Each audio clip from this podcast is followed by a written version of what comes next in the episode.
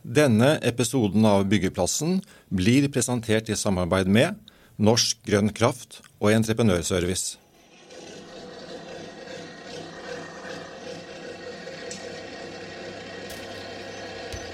Har tunnelboremaskinene kommet for å bli, eller er det fortsatt sprenging som gjelder?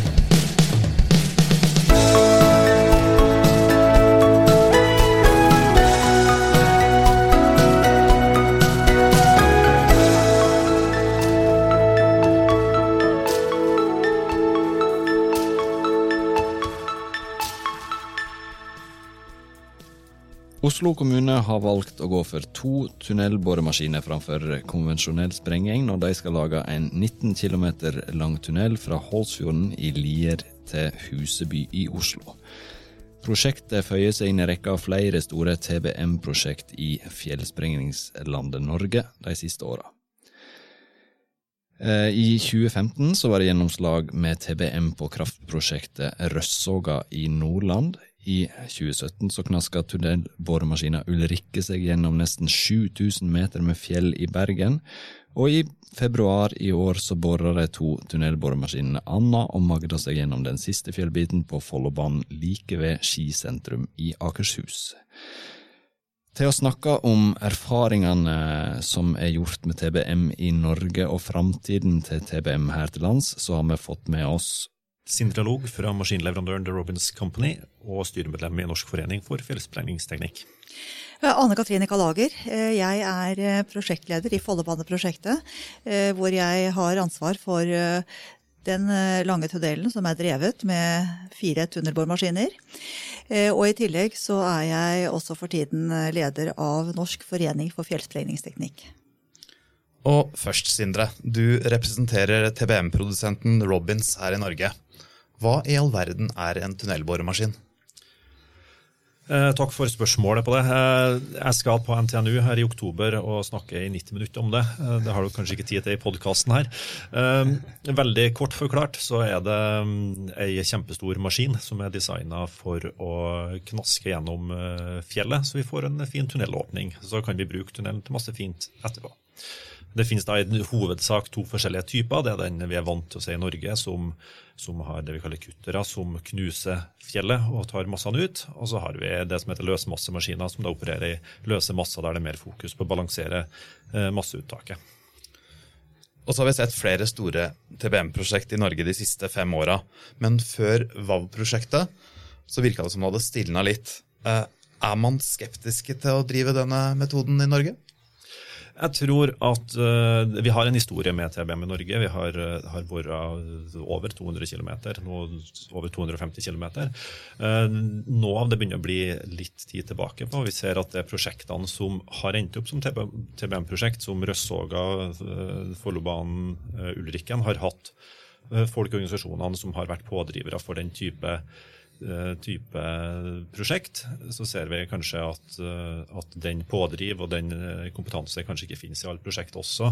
Så det andre er også at hvert prosjekt er unikt. og Noen egner seg for TBM, noen gjør det ikke. og Nå har det nok kanskje vært sånn at vi hadde noen på rad der som egner seg veldig godt, og så har det kanskje ikke vært så mange de siste årene som har egnet seg like godt. Noen som kjenner godt til TBM og hvordan det fungerer ute i praksis, det er du, Anne Katrine Kallager. Du var jo inne på at du er prosjektleder på TBM-kontrakten på Follobanen. Hva slags erfaringer har dere gjort dere der med bruken av TBM? Ja, vi har hatt fire tunnelboremaskiner. De var skreddersydd for de geologiske forholdene de skulle jobbe i. Og det er viktig når man går i gang med et slikt prosjekt, at man har verktøy som passer til formålet. Maskinene har boret i overkant av 36 km tunnel til sammen. Og de ble ferdig godt innenfor de tidsrammene som var satt.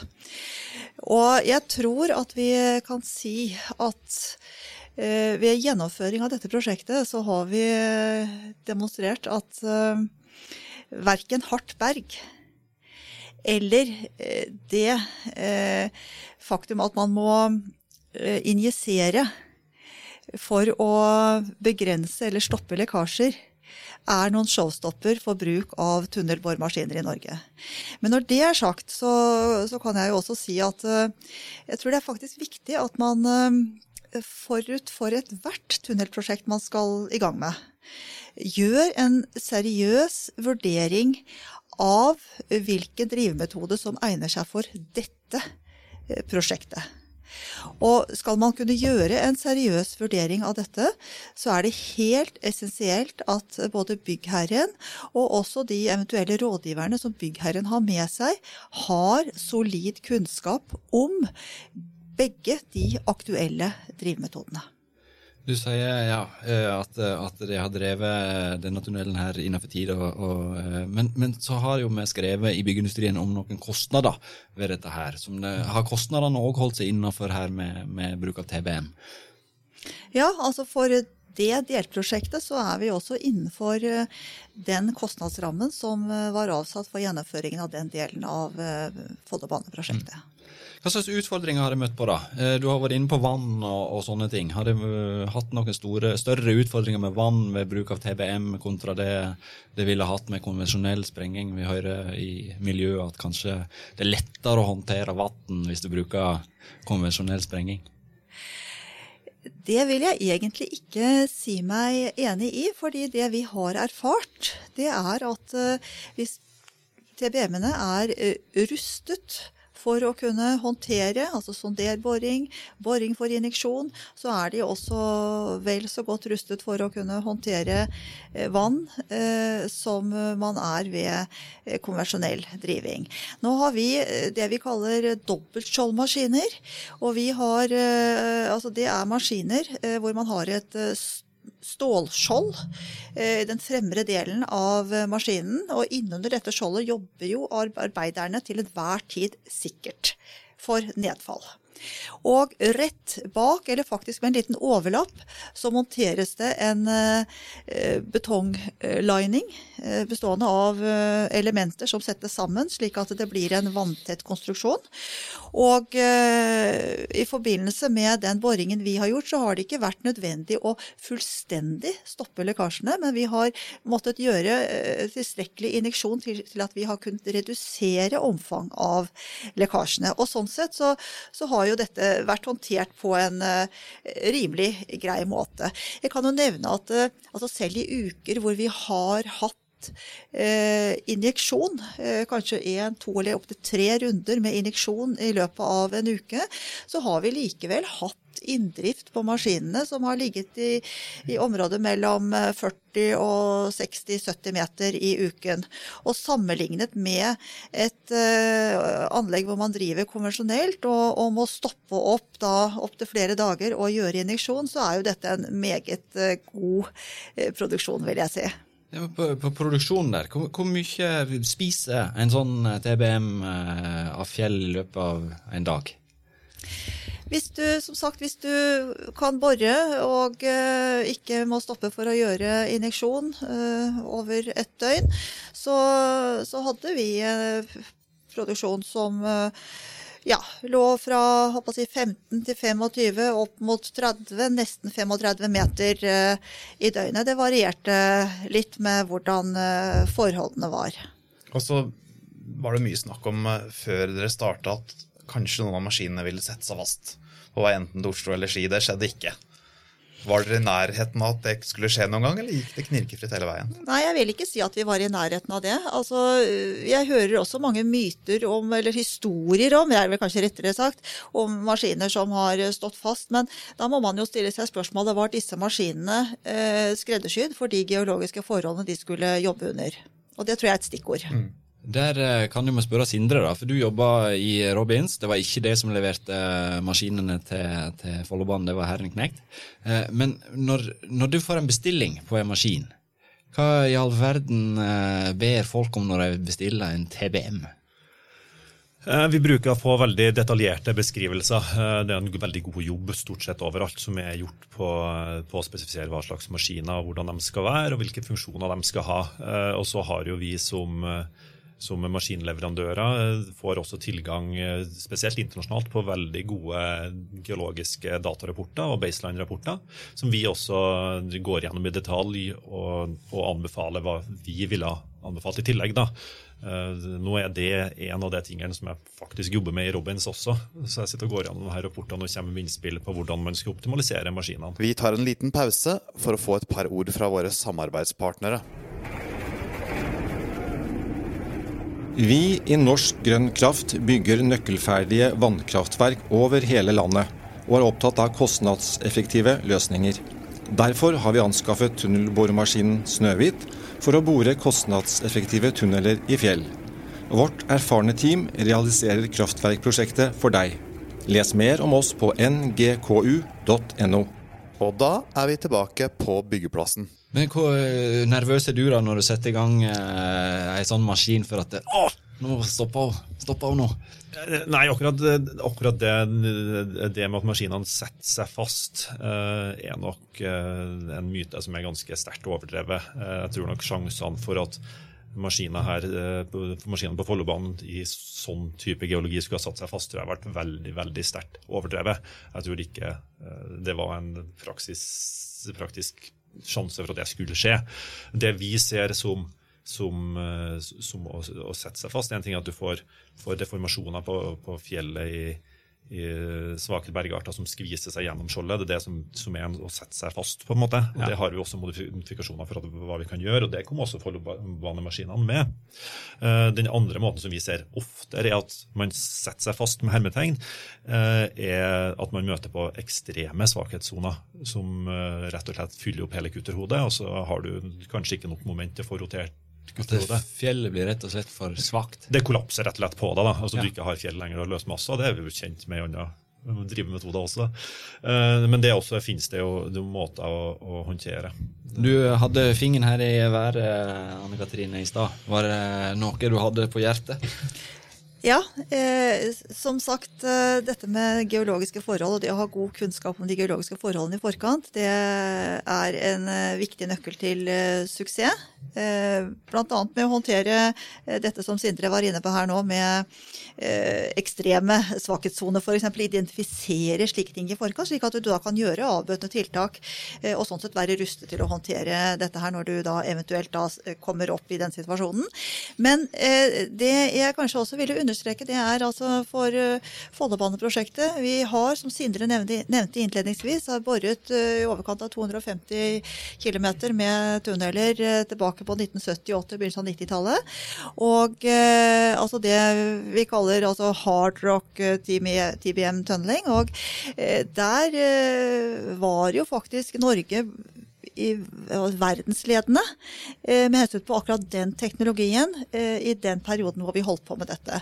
Og, og flere av de som jobbet med disse vannkraftprosjektene, for det var tilknytning til hovedsakelig vannkraftprosjekter dette ble gjort, så flere av de som jobbet med disse prosjektene den gangen, de var vi så heldige å få inn i vårt prosjekt, og de har, har jo vært sterkt involvert i å lage spesifikasjonene for maskinene. Men jeg tror jeg kan si det sånn at skreddersøm er viktig når man går i gang med et, eh, et sånt prosjekt. Men hvis vi var verdensledende, hvorfor, eh, hvorfor sluttet vi med det? For det forsvant jo så å si helt en periode.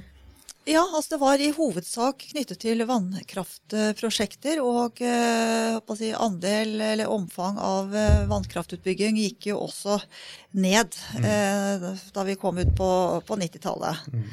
Så det kan være en sammenheng med det. Og, og, som Sindre var inne på her, dette med kompetansen hos uh, byggherrene. Uh, de andre byggherrene som uh, for så vidt drev med noe tunnelarbeider i etterkant av disse vannkraftprosjektene, de satt kanskje ikke med den kompetansen som da var bygget opp innenfor vannkraftmiljøet f.eks. For, for kompetanse er viktig her. Hvordan er det med kompetansen på TBM blant norske byggherrer og rådgivere? Sindre? Eh, økende. Eh, vi ser jo at det kommer eh, veldig gode folk fra, både fra Universitetet i Trondheim, der har det vært en del ph.d.-er og veldig mange mastergrader i de siste årene. Vi har, både vi og andre leverandører har vært aktivt og promotert opp eller få folk til å skrive masteroppgave på TBM rundt om i verden. Mm. Så vi har nok, Det var sånn jeg kom inn i TBM-bransjen for, for mer enn ti år siden. Eh, så ser vi også at eh, sånn som Ulrikken, sånn som Røssåga, sånn som Follobanen også leker eh, gode folk ut til byggherrer og, konsulenter. Så jeg tror nok at, at kompetansen til byggherrer og, og entreprenører og konsulenter er, er stigende. Så tror jeg nok også at sånn, det er naturlig at siden man ikke har hatt så mange tunnelboremaskiner som har boret de siste 20 årene, at kompetansen kanskje ikke har vært uh, helt eksepsjonelt uh, de siste årene, i, tror jeg. Men Kan du si noe om hvordan Norge skiller seg ut fra resten av verden der, da? På TBM-sida? Um, ja. vi er jo et typisk fjellsprengningsland, og det, der har vi kompetanse i verdensklasse. Ja, jeg opplever kanskje at en del av diskusjonen i Norge er litt forhåndsbestemt og litt basert på, på, på, den teknologien som var her når, når eh, TBM var ferdig på, på, på 1990-tallet. Eh, det har vært en ekstrem utvikling i tunnelboremaskiner. Jeg tror nok at jeg var med på et kurs i forbindelse med VTC i Bergen i 2000. Vi hadde VTC i Bergen i 2017. I 17, Da hadde ja. vi et kurs der vi inviterte inn masse eksperter. og da var Et av de tingene vi skulle eh, debattere, var hva slags begrensninger er det for tunnelboremaskiner i dag. Finnes det geologiske begrensninger? Og da var det, eh, det her var ikke maskinleverandører som satt i det panelet vi diskuterte, men det var akademikere og det var konsulenter. Og Der var det en ganske rungende, rungende svar om at det ikke finnes begrensninger i dag. Men er ikke, er ikke du mer lost i tunnellinja med, med TBM enn det du, du er med, med vanlig konvensjonell sprenging? Det høres jo mye mer fleksibelt ut å gå inn og kunne sprenge der du vil. Det er man jo, men da handler det også om hvor du er i, i prosjektet ditt. Når legger du føringene og begrensningene på prosjektet?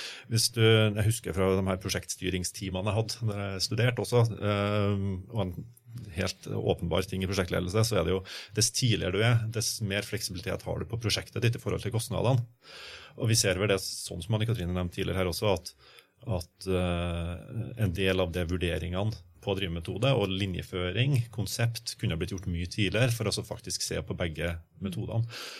Når vi ser på det, du, du, nevnte internasjonalt, så jeg kan ta det også. Det vi ser på, på, på de store prosjektene internasjonalt nå, er at man på en måte har tatt bort geologien fra ligninga når man ser på, ser på hvordan man gjør linjeføringa, i stedet for at man går dypere for å legge hele metrolinja di i, i fjell. Så legger du deg midt mellom fjell og løsmasser, for at man regner med at tunnelboremaskinene de klarer det. Eh, og så er designkriteriet heller hvor lang rulletrappa de skal være. Når det valgte TBM den gangen i eh, var det 2013, eh, eller i hvert fall så satte det i gang konkurranser og sånn da, og valgte en spansk-italiensk entreprenør, et fellesskap, til å bore. Hvordan var reaksjonene i den norske bransjen når det gikk for TBM på Follobanen? Husker du det? Ja, jeg husker det veldig godt. Og jeg tror kanskje jeg skal si litt om hele historien. fordi at, eh, som Sindre var inne på, det er viktig at man, at man gradvis eh, i tidlige faser i prosjektene gjør en del eh, helt essensielle konseptuelle valg. Vi, vi startet ganske tidlig. Altså jeg har jobbet med Follobaneprosjektet siden 2007. Og noe av det første vi faktisk gikk i gang med, det var å gjøre en vurdering av øh, hvilken eh, drivemetode kan være aktuelt for dette prosjektet. Vi, vi, visste vi ville få en lang tunnel, enten én lang 20 km lang tunnel, eller vi ville få eh, to eh, sånn mellomlange tunneler med en veldig kort dagsone imellom. Det var konseptet på det tidspunktet.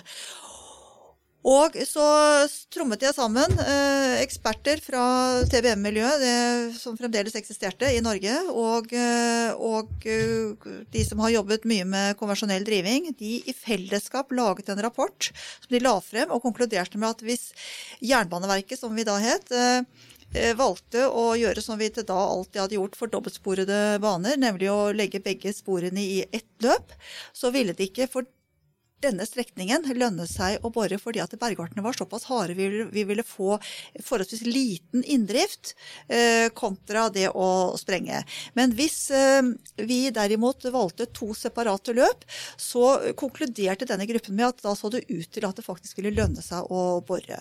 Og så var det da et langt lerret å bleke når man skulle gjøre noe nytt i Jernbaneverket. så, så betinget det ganske mye analyser og vurderinger. Og i 2010 så fikk vi en beslutning i Jernbaneverket på at for Follobanen, med den lange tunnelen, så uh, skulle den uh, bygges uh, for det første som én sammenhengende tunnel, og, og, den skulle bygges med to separate løp. Og da hadde vi det vedtaket, og da visste vi fra før at det så ut til at det kanskje ville lønne seg å bore.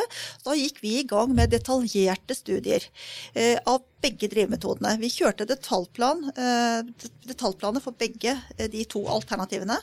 Og vi startet også en reguleringsprosess med begge alternativene. Skulle vi sprengt innenfor det samme tidsrommet som vi så at vi ville greie å gjennomføre tunnelarbeidene på hvis vi boret, så måtte vi gått inn fra syv ulike tverrslag, og flere av de ville vært lokalisert i tett befolkede områder mellom Oslo og Ski.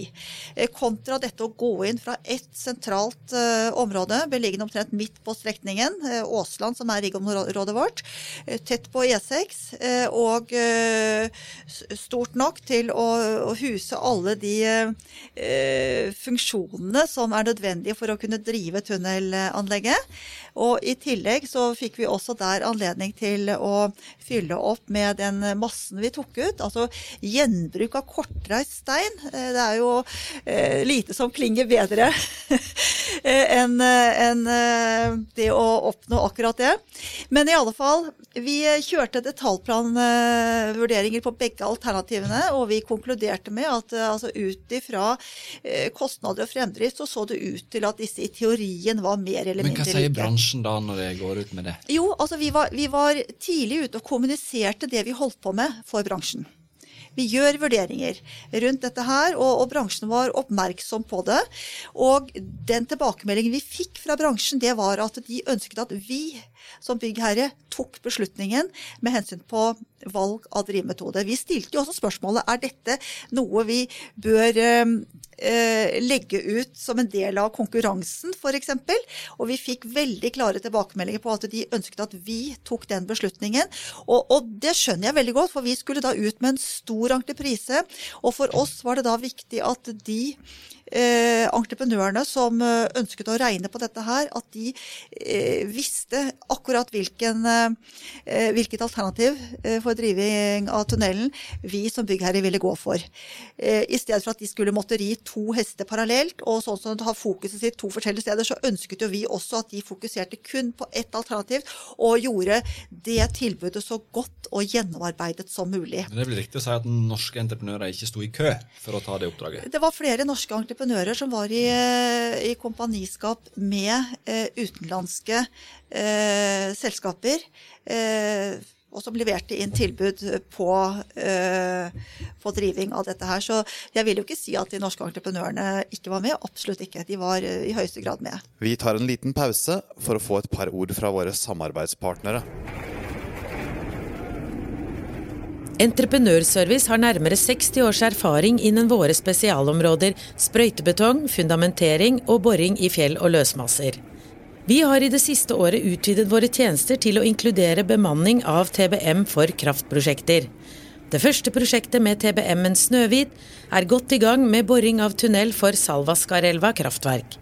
Entreprenørservice jobber på spennende prosjekter i hele Norge, og vi utfører for tiden store oppdrag på bl.a. Nordøyvegen, Bybanen i Bergen og Østerbø kraftverk. Entreprenørservice best på våre spesialområder. Og da er vi tilbake på byggeplassen. Men så har vi to andre baner òg. Vi har eh, Fornebubanen og Ringeriksbanen. Begge steder har valgt konvensjonell driving. Hadde de prosjektene passa for TBM? Eh, jeg kjenner de prosjektene eh, litt perifert. Eh, sånn som jeg kjenner dem, så ut fra de geologiske omstendighetene, ut fra det som jeg har lest, og det som, jeg har jo ikke vært inne i dem i en aktiv rolle, jeg har lest litt om hva som, som er tilgjengelig og lest meg opp, så, så, kunne begge de prosjektene vært godt egnet for TBM.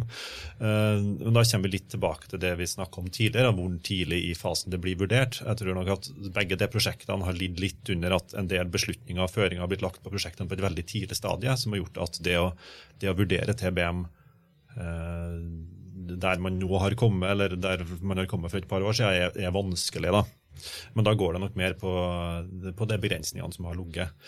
jeg har, når jeg holdt foredrag før, når jeg dro, dro rundt til konsulenter og byggherrer og, og snakka litt om TBM, når jeg først starta i Robins, så brukte jeg alltid å avslutte med en slide som var et bilde av Eh, gamle professoren på NTNU, eh, Odd Johannessen, eh, som alltid sa at når det gjelder TBM, så burde man fokusere mer på, på løsningene og ikke se, fokusere så mye på begrensningene. For begrensningene er det alltid noen andre som vil fokusere på. Jeg tror nok kanskje på en del prosjektene så har det vært veldig mye fokus på begrensningene ikke så mye på mulighetene. Ja. Hvilke begrensninger har TBM gitt for dere i Follobanen? Har det vært noen begrensninger? Nei, jeg opplever egentlig at uh, det at vi har brukt TBM-er, uh, egentlig har uh, gitt oss si, langt flere muligheter enn begrensninger. Det har jo hatt et enormt stort Du var jo inne på Åsland. Mm. Er ikke det en liten begrensning i TBM at du må ha et veldig stort sånn riggområde for å i det hele tatt få opp disse maskinene? For det er jo noe beist vi snakker om. Av, det er jo ikke småtteri av noen maskiner vi snakker om. Nei, altså maskinene har jo øh, gjort sin jobb øh, nede i, øh, dypt nede i fjellet. Men det er klart for oss så har det vært veldig rasjonelt å ha et såpass stort riggområde hvor vi har hatt alle funksjonene som har vært relatert til tunneldrivingen innomhus inne på det samme riggområdet, men det er ikke et must. Og vi var også heldige og, og, fikk en avtale med Oslo kommune, fikk godkjent en reguleringsplan eh, som også ga oss muligheten for å eh, fylle opp eh, den massen vi tok ut, og vi snakker om ca. 9 millioner tonn, som vi tok ut av, av fjellet på Åsland. Den massen ble jo brakt opp ved hjelp av transportbånd. Altså Bare der ligger det jo en, eh, en stor uh, gevinst. Det at vi kunne bringe den massen uh, Da, tunnel, da tunnelboremaskinene var nær ved å avslutte jobben sin, så var det jo ni kilometer, var de ni kilometer inne i tunnelen. Eh, og så var det ytterligere 1 kilometer opp til overflaten, altså 10 kilometer før man i det hele tatt kom opp på overflaten. Eh, og så mm, ble da denne massen brakt videre på transportbånd til øvre del av riggområdet, ytterligere 500 meter, eh, før den da ble dumpet, og så ble den kjørt ut på et tilgrensende område. Altså det at vi kunne, at vi kunne bringe denne tunnelmassen ut på transportbånd elektrisk drevet eh, transportbånd, i stedet for å ha eh, all denne biltrafikken ut og inn av tunnelanlegget. Det, det har også et viktig sikkerhetsmessig aspekt som jeg vil fremheve. Men som sagt, det er også mange myter med hensyn på bruk av slik tunnelboremasse. Noen hevder at det kan ikke brukes til noe. Det er egentlig bare søppel. Men Da har du i tilfelle en stor miljøutfordring, hvis det er tilfellet. Ja, men det, det er eh, ikke tilfellet. Vi, vi gikk jo, inngikk jo et nært samarbeid med eh, bl.a. NGI. Eh, for å se på ok, eh, hvordan kan denne massen eh, brukes? Hvordan kan den fylles opp for at vi skal kunne etablere en fylling som er god nok for at man senere skal kunne bygge på den? Og, og, vår entreprenør har fulgt denne prosedyren, og vi har hatt eh, en eh, nøye overvåking av denne oppfyllingen, setningsutvikling og slike ting gjennom hele oppfyllingsperioden. Og nå er vi ferdig, og vi ser at eh, setninger f.eks. de har flatet mer eller mindre helt ut. Og dette er jo da noe som skal brukes da som underlag for fremtidig utbygging av Gjersrud-Stensrud boligområde i Oslo kommune. Og Det er jo kjempeflott at man på den måten får gjenbruk av kortreist stein. Ja eller nei, kan du bygge en stasjon på Gjersrud-Stensrud? Sånn som boligprodusentene f.eks. vil. Er det for seint?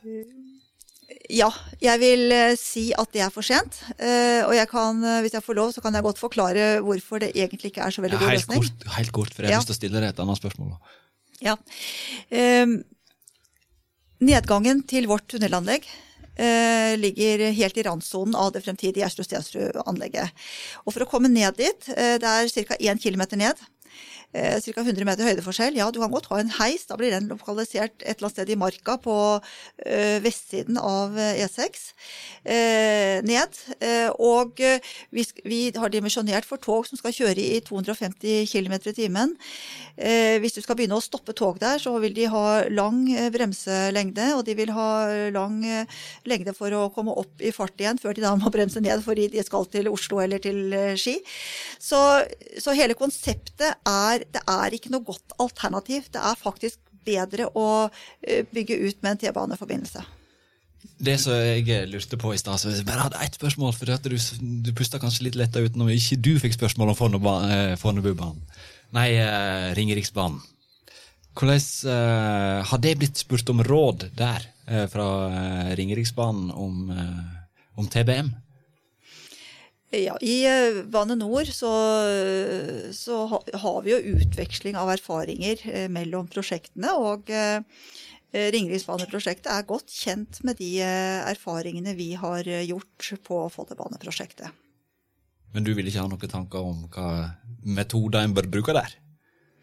De har gjort eh, sine vurderinger eh, ut ifra de parameterne som eh, de mener er relevante for det valget. Du hadde en kommentar for noen minutter siden. Vi drar det litt langt tilbake, da. Men det gikk på akkurat det, akkurat det med, med, anleggsplass. Fordi at mange har vært og besøkt, besøkt Follobanen og ser en fantastisk Jeg trenger ikke den store plassen der, da? Og Det ser jo fantastisk ut, men jeg tror nok det er like mye det at de har det. Så da kan de bruke det. Eh, de aller fleste tunnelboremaskinene som har bora de siste 10-15 årene, har vært metrotunneler rundt om i store byer. Eh, og veldig mange av dem blir drevet fra sjakta. Du skal ikke lenger enn til København før du kan ned i sjakta og se på hvordan det drives på relativt begrensa areal. Og det er også et veldig imponerende aspekt ved et prosjekt i London som heter Thames Tideway, der de eh, opererer fem-seks tunnelboremaskiner fra, fra sjakta midt i London. Så ny T-banetunnel gjennom Oslo kan fint bores med en TBM?